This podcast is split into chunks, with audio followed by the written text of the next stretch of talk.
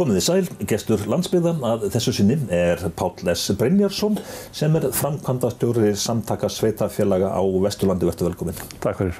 Í landsluta samtöku gegna mikilvægu hlutverki, já, þeirra, svona, já, þeirra hlutverk er væntanlega að já, bæta og stöðula að því að, að sveitafélagi ná að blómstra og danna eða hvað?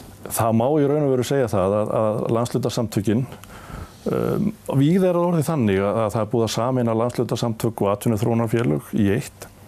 Og því er í raun og veru hægt að segja að landslutarsamtöki séu annars vegar að vinna ími samstagsverkefni fyrir sveitarfélögin en líka náttúrulega stöðulað atvinn og byggðarþróun á sínu svæði. Og þetta hlutverk hefur verið að styrkjast og ekki síst með tilkomu sóknar á allan. Þá hefur þetta hlutverk eh, landslutarsamtaka í byggðarþróun aukist verulega. Þannig ég held við getum alveg sagt það að verkefnið þeirra, verkefnið þeirra hefur fjölgað að undanförnu og þau hafa verið að styrkjast í sessi. Þessar sóknar áallanir sem þú eh, nefnir, það er sagt, eh, það er verkefni sem er sagt, samvinna ríkis og sveitafélaga?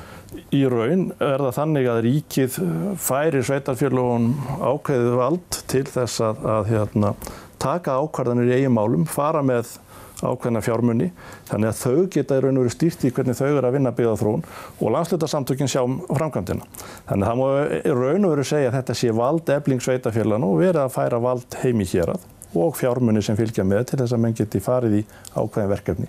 En svo er kannski rétt að koma því að að menn ræða svo um stöðu landslutarsamtökana líka því að lagarlega er hún ekki mjög skýr en það eru öll sveitafjölu á landinu aðilar á landslutarsamtökum og þau náttúrulega fara, fylgja gömlu kjördæmaskipaninni en þá eins og hún var fram til 2003 En við getum sagt að, að það er heimleikil umræðum þetta núna og nú er ríkistjórnin nýbúin að setja niður vinnuhóp sem á að skoða hlutverk landslutarsamtakana og í raun og veru hver þeirra þáttur getur orðið í, í framtíðinni og þetta fjalla þá náttúrulega líkum samskipti ríkis og sveitafélag. En hvað liggur þar undir þessi nýji starfsópur eitthvað hafa menn spáði í það að hérna, þessa breytinga, hvað er helst að vera að tala um? Ég held að það sé fyrst og næst verið að tala um það að velta fyrir sér hlutverki og stöðu landslutarsamtakan í stjórnsýslinni. Lagarlega er hún mjög veik, það kemur enda fram í sveitarstjórnarlögum að sveitafélagum sem heimilt að stopna með sér landslutarsamtök en það, þau vikt ekki þungt lagarlega séð. En svo eru þetta til ákveðin sérlög eins og lögin um, um byggða áallun og sóknar áallanir sem færa landslutarsamtökum ákveða hlutverk. Þannig ég held að menn séu að fara yfir þetta og ætla að skoða þetta svolítið í þessum vinnuhópi. En skipti það miklu máli fyrir einstöku svæði að hafa slíkan samlásvettvang? Já, ég hef trú á því að þetta skipti miklu máli. Ég, það er nöðsynlegt fyrir sveitafélagin að geta unni saman og landslutarsamtökin hafa hingað til verið ágætur vettvangur til þess og sveitafélagin hafa fært þeim ákveðin samstarfsverkefni Ég get bara nett sem dæmi að á Vesturlandi þá verður sveitafjörlun sammólum það að stopna fyrirtæki sem heitir Sorpurnu Vesturland sem að rekur urðunastæði fýrplóttum en óskuðu svo eftir því að samtök sveitafjörla myndu að halda utanum rekstur. Þannig að það eru ímisverkefni sem hefur hendað ágætlega að færa yfir til landslutasamtakana og í raun hefur það gæst bæði frá sveitafjörlunum en ríkið hefur líka verið að færa landslutasamtökunum á hverðin verkefni. Og kannski eitt af því eru almenningssamgöngur sem í dag eru skipulaðar af landslutarsamtökunum á sínum svæðu. En nærið þjónustan, það er, er mikið talað um að í sveitafélög þau séu betri stakk búinni til þess að, að annast ímsað þjónustu við borgarna heldur en ríkið, og þetta er kallað nærið þjónusta. Mm. Er það almennt viðukjönt að, að það eigi að, að efla þetta eins og ja, strætóin til dæmis, þetta er ekkert, ekkert gamalt fyrirbreyði? Ég held að það hafi nú oft sínt sig að þjónustan við íbúana verður oft betri þegar hún er flutt til sveitarfélagana. Ég held við getum alveg fullist bara eins og með grunnskólana. Þegar þeir eru fluttir yfir til sveitarfélagana 1996 þá eflist þjónustan, auðvitað er þetta gert á sama tíma og grunnskólanir eru einsetnir. En ég held við getum alveg fullist það að þjónusta sveitarfélagana við íbúana, hvað var það grunnskólana, hún er, er að mörguleiti góð og hefur styrst eftir að verkefni fluttist til þeirra. Svo geta menn velt fyrir sér stærð sveitarfélagana. Hún er náttúrulega afar mismunandi á Íslandu og sum sveitarfélag hafa kannski ekki burði til þess einu sér að reka stórverkefni en hafa þá gert það í samvinnu við önnur sveitarfélag, sum í gegnum þjónustusamninga, önnur í gegnum byggðarsamlög og síðan eru hvað ég var að segja, ákveðin verkefni sem hafa farið yfir til landslutarsamtakana en það er þá kannski fyrst og náttúrulega verkefni sem enn sjá hagraðingu í því að vinna á stærri svæðum. Mm. En uh, síðan sveitafélagin þá bara á Vesturlandi, þau eru já, mjög misjöfn. Það eru stór sveitafélag, Akranes til dæmis og svo er aftur minni samfélag. Eiga þau alltaf samleið? Já, þetta er alveg rétt eins og þú segir. Við erum á Vesturlandi með tíu sveitafélag og það fjölminnesta er Akranes Kaupstað sem sjálfsagt er farin að nálgast um allir sé ekki tæplega 7500 íbúar á Akranes í dag. Og svo eru líka sveitafjölu með 50 íbúa á svæðinu hjá okkur. Og auðvitað er heilmikið bíl þarna á milli varandi burði þessara sveitafjöla og hvaða verkefni þau geta synd en menn hafa leist ákveðin verkefni gegnum, gegnum samstarf.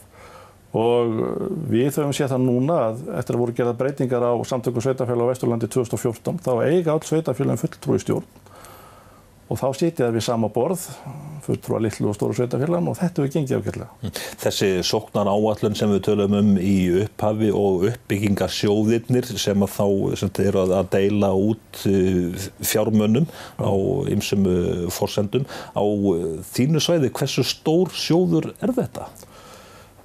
Í raun er uppbyggingarsjóðurinn á vest, uppbyggingarsjóður Vesturlands, hann hefur verið að útluta á bílinu 50 til 60 miljónum á ári.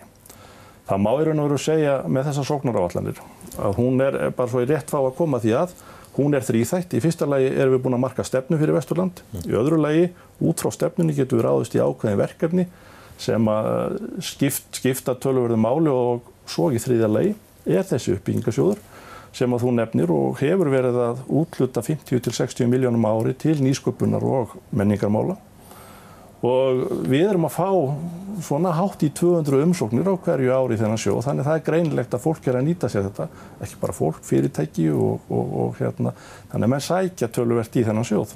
Áður en lengur haldið þá skulum við, ég myndi að horfa á uh, umfjöllun uh, ennu fjögura, í þættunum að vestan, um ég, nýsköpunar uh, fyrirtæki sem að fekk styrk úr þessum sjóði, þetta er um silkjórma. Það er ljóð að horfa á fallegt silki. Þetta segir Signi sem er eini silkiormarektandin á landinu. Þessi dugmikli grundfinningur namn tískuhönnun við Listaháskóla Íslands og fekk þar áhuga á textilgerð. Þetta er sem sagt verkefni sem ég er að vinna bara út frá björrikerni minni. Já, verkefni fjallar um það að rækta silkiorma og reyna að koma um yfir á svona íslensk fæði, íslensk fæði. Að koma íslensku hráfni inn í fæði í hafinn og já, ég raunin bara sjá hvort að það sé grundföllur fyrir að rækta silkiorma á Íslandi. Mér langaði að, að skrifa um bara möguleikana textilframhengslu á Íslandi og það er hægt að, að rækta þú veist ull, hör og ham. Það eru aðal textilgerðirna sem að, uh, þrýfast á Íslandi. Það var búið að skrifa þá ríkjar þannig ég ákvað bara að já, bæta þessu við og til silki er, það er hægt að rækta það hvar sem er á meðan aðstöðunar eru réttar þannig að þetta er náttúrulega ræktað inni. Og hvaðan koma silki ormarnir? Eða? Já, þetta eru sem sagt egg sem koma frá Búlgaríu, frá svona silki rannsóknastöð og já, þannig að maður fær bara, þetta er bara eins og lítil sesamfræ, fær, fær þau bara sendt og síðan bara, já, klikjast þau út og Þú býrð til aðstæður fyrir þessi litlu egg sem eru hverjar? Eh, það þarf þá að vera rétt rakastig, rétt hítastig uh, og já, ljós ákveðin tíma dags og þannig að ef allar aðstæðar eru réttar þá nærðu besta silkinu. Hvað er það sem er silkið af þessu? Ef þú viltu fara yfir bara ferlið með okkur sko? Já, já þetta er sem sagt uh, silkiormurinn og hann náttúrulega markvaldast í stærð bara á einhverjum fjórum vikum. Þannig að hann byrjar í möguleg, þú veist, einhverju bara svona litlu kodni, endar í svona stórum, já. Þeir eins og þessi, hann er þá komin á loka stíið, hann er búinn að fara í gegnum alveg fjögur hamskipti þar sem hann klæði sig úr allir í húðinni og hérna, það, það næri hann alltaf að stækka yfir á næsta stík. Uh, síðan sem sagt, núna á hann þá bara á næstu dögum að fara að festa sig hérna, hann myndi finna sér einhver hotn einhver staðar og spinna sig uh, spinna sér undirstöður þar sem hann fer svo að spinna þessa púpu. Tala um að þessi púpan hérna hvita, er þetta silkið? Já, já. Það er þetta sem er utan á eða líka þetta harða hérna? Já, þetta er rauninni floss bara sem hann nota til að festa sig eins og hérna inni. Og það, þú veist, þetta er bara veikur þráður en það er hægt að spinna í rauninni handspinna úr þessu. Þetta er samt silkið sjálft.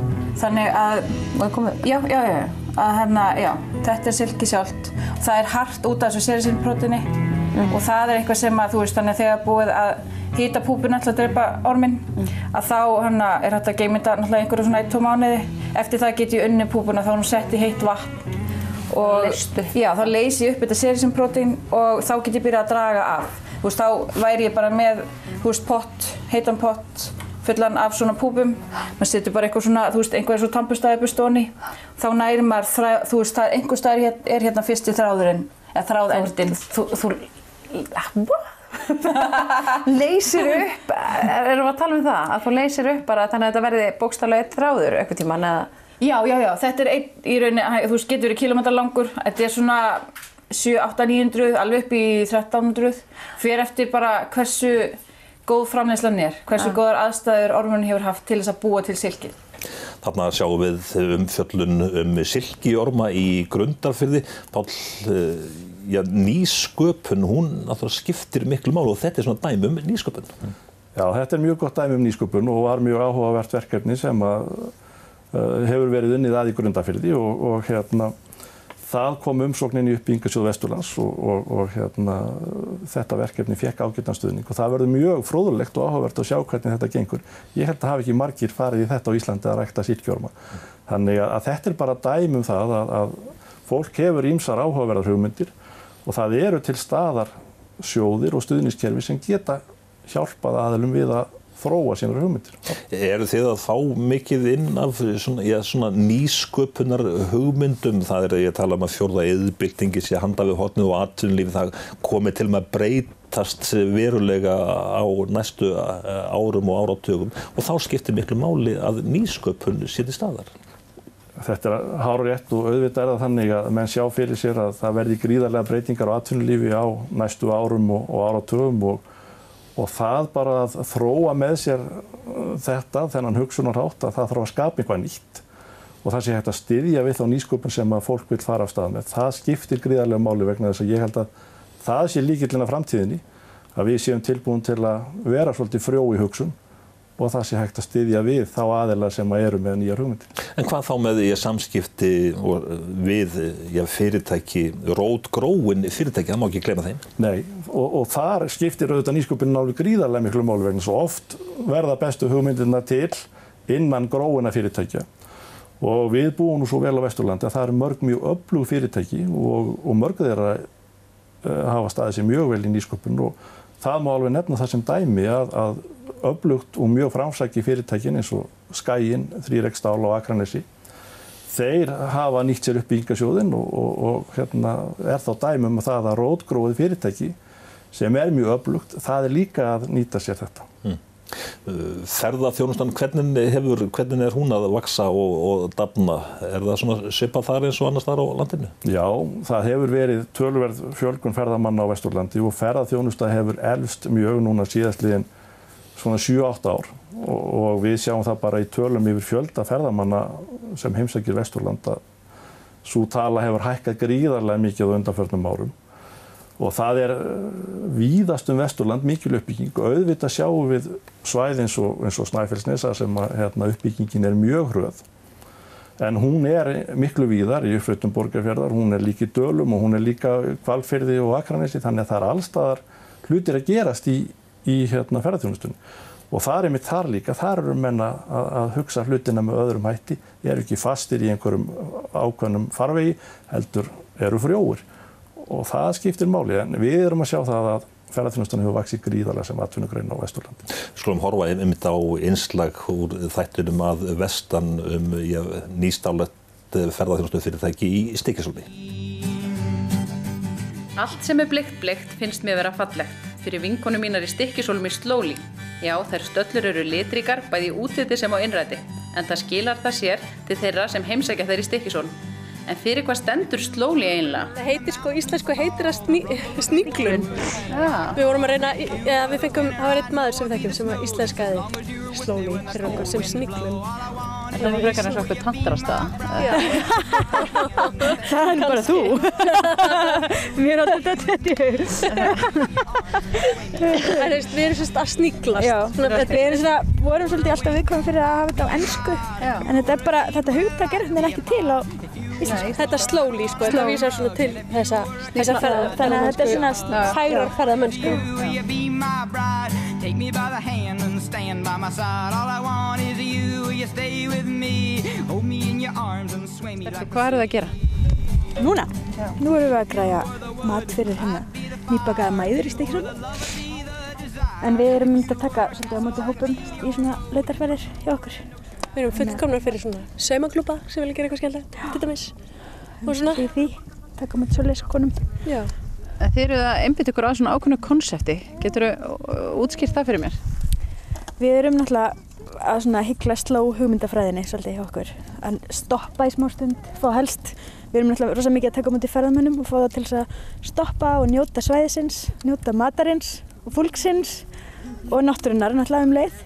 Allt í einu, einhvern veginn. Já. Það var svona okkar pæling. Já. Aðeins að svona vera mótsarfið þessum massatúrisma sem er í gangi núna. Við kallum okkur sko svona prívat, mikro-prívat ferðarþjónustu, Já, er það ekki? já. Heila, Personal já. Nei, micro personal. tra- travel. Já, persónulega mikro-ferðarþjónustu.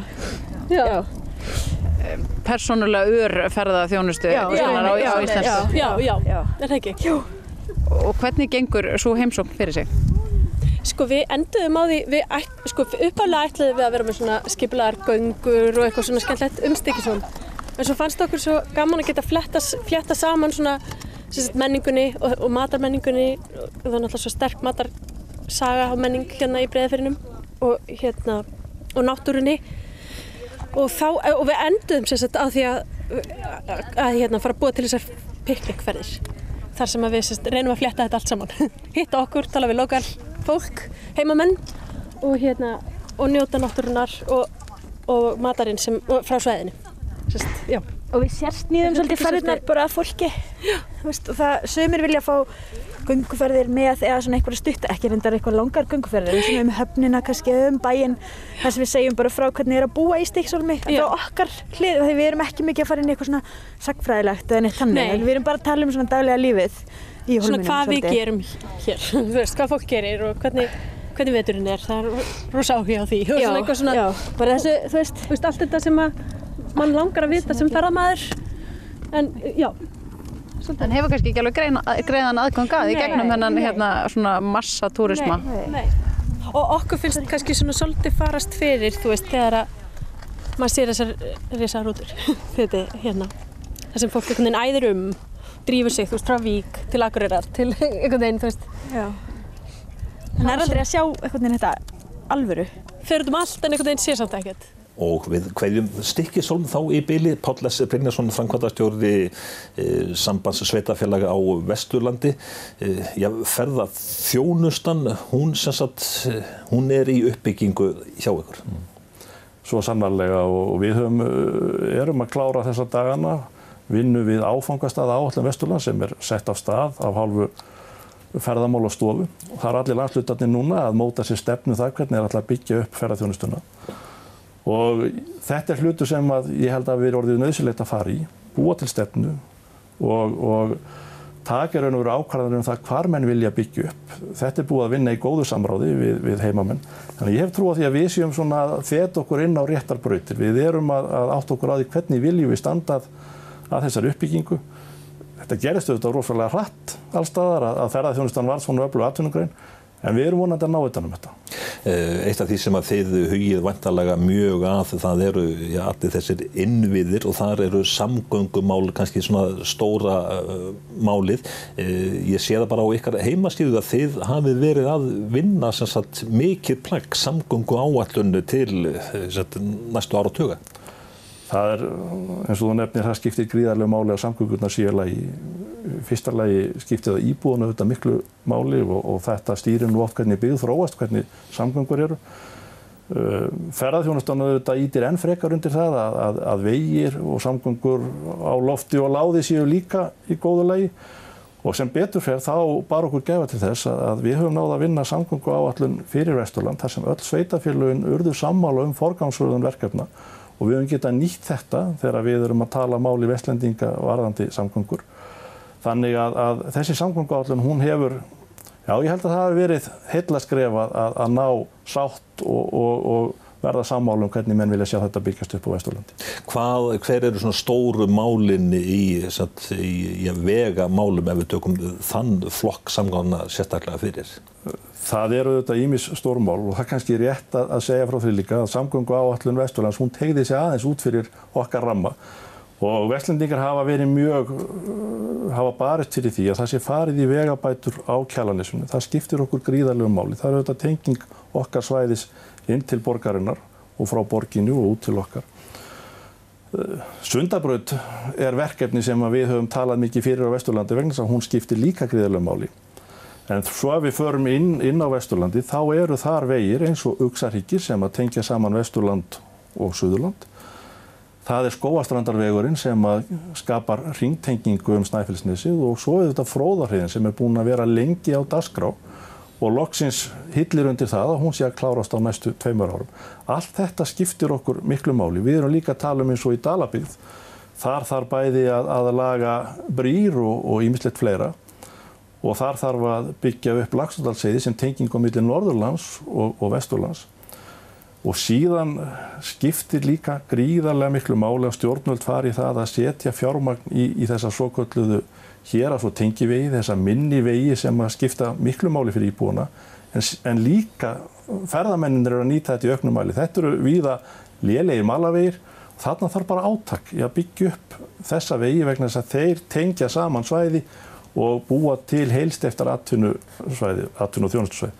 Þannig að það eru víða verk ef við erum að tala um vegamálinn Ferjurnar skipt okkur líka miklu máli eins og, eins og Baldur sem siglir í Breðafjörðin. Við höfum kannski ekki verið með stóra flugvelli á, á Vesturlandi. En, en það er, við erum með flugvelli sem skipta miklu máli bæð út frá öryggisjónamið og eins og til dæmis í Rífi og líka erum við með tækifæri til að fara í miklu meira mæli út í kjensluflug á Vesturlandi, þar eru ágættir vellir, hafnirnar okkar það er skipt auðvitað miklu máli. Þannig að allt þetta hefur áhrif.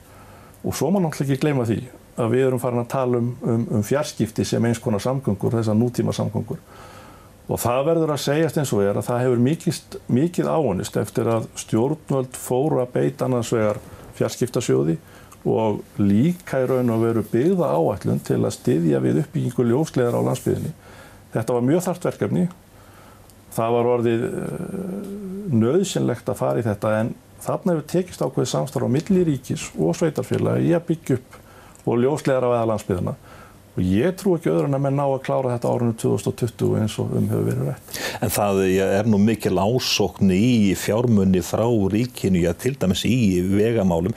Getið þið já, með svona bara með ákveðnum hætti sagt við ríkisvaldið, við vestlendinga við höfum setið eftir, það er komið okkur?